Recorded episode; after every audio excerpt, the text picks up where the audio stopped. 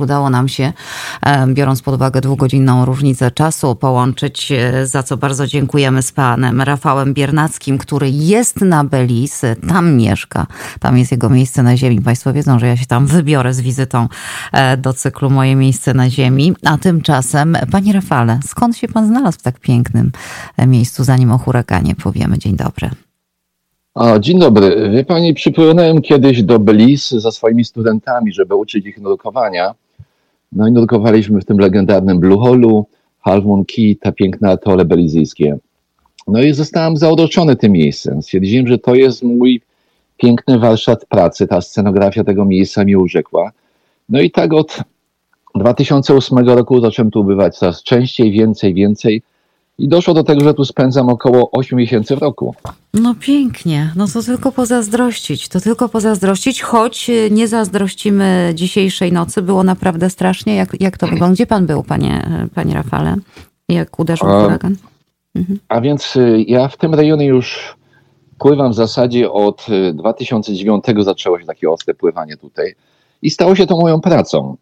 A przez to, że to jest miejsce, które ma blisko Belize tak zwany legendarny e, Hurricane e, Hall, który sprawia, że tu się nic nie dzieje, jeżeli chodzi o Rio Dulce. To jest takie miejsce, gdzie huragany nigdy nie docierają i dlatego wszyscy żeglarze uciekają, jak się coś dzieje tutaj. Cała flotyla belizyjska w zasadzie spłynęła do Rio Dulce, gdzie ja w tej chwili jestem. Mhm. Zaś tam, na północy, czyli około, około 8 godzin żeglugi tutaj ode mnie, to no, rozegrała się dzisiaj, w, w, w nocy w zasadzie, wczoraj, rozegrała się dosyć taka tragedia, bo nikt nie spodziewał się o tej porze roku tak silnego, e, pierwsza tropikalna depresja, a potem sztormu. To była już kategoria pierwsza. Wiatr wiał, zaczęło dochodzić przy zbliżeniu się z Belize City i z, z Tenerife Islands około 95 mil na godzinę. To jest naprawdę duża prędkość. Doszło do tego, że woda w Belize City, w Marinie, w której ja często stoję, woda poszła do góry o 7 stóp. Wszystkie deki zostały po, pozalewane, wszystko zaczęło się zrywać. Większość jachtów i statków pouciekała wcześniej, widząc co się dzieje.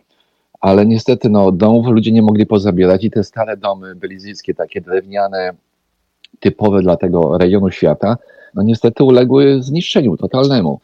No, Plusy tego są to, że mam nadzieję, że będą odbudowywali już tak na Florydzie z tych drewnianych, takich karaibskich chateczek pobuduje się solidne betonowe konstrukcje. Mhm. A e, wiemy jakieś, ma pan może jakieś doniesienia, raporty, czy, czy, czy, czy mamy ofiary, czy udało się e, uniknąć, czy to jeszcze za wcześnie, aby, aby o tym rozmawiać? A więc właśnie, pewnie za wcześnie o ofiarach w ludziach, ale jeżeli chodzi o zniszczenia, to przez dłuższy czas nie było prądu. Powoli tam zaczynałem uruchamiać agregaty.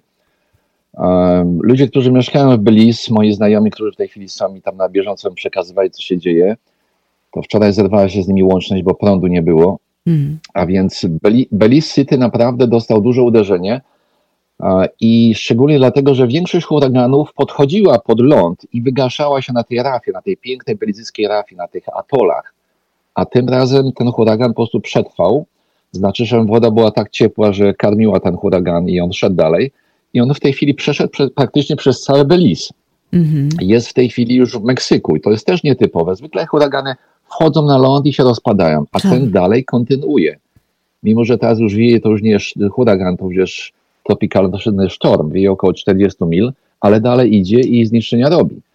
Ja byłem na przykład pod Cape Hornem, mieliśmy wiatr rzędu 70 e, mil na godzinę wiało, no to faktycznie stanie na pokładzie w takim momencie jest trudne, po prostu trzeba się czegoś trzymać, bo cię wiatr porwie. Mhm. A tutaj wiało w Belize około, prawie to już była kategoria druga, wiało 94-93, no kategoria druga to 96, także to już było na granicy. I nikt się tego nie spodziewał, dlatego podejrzewam, że Belize będzie się podnosiło przez najbliższy rok z tych zniszczeń, które powstały i teraz jest, jak to się mówi, lizanie ran i, i zbieranie e, raportów, co się zdarzyło i, i jakie tam były ofiary. Ja się obawiam, że niestety, A... niestety to bez ofiar się tam nie obyło po tym, co pan mówi, zwłaszcza, zwłaszcza kiedy uderza huragan. Ja, ja przeżyłam huragan tutaj w Nowym Jorku, Sandy.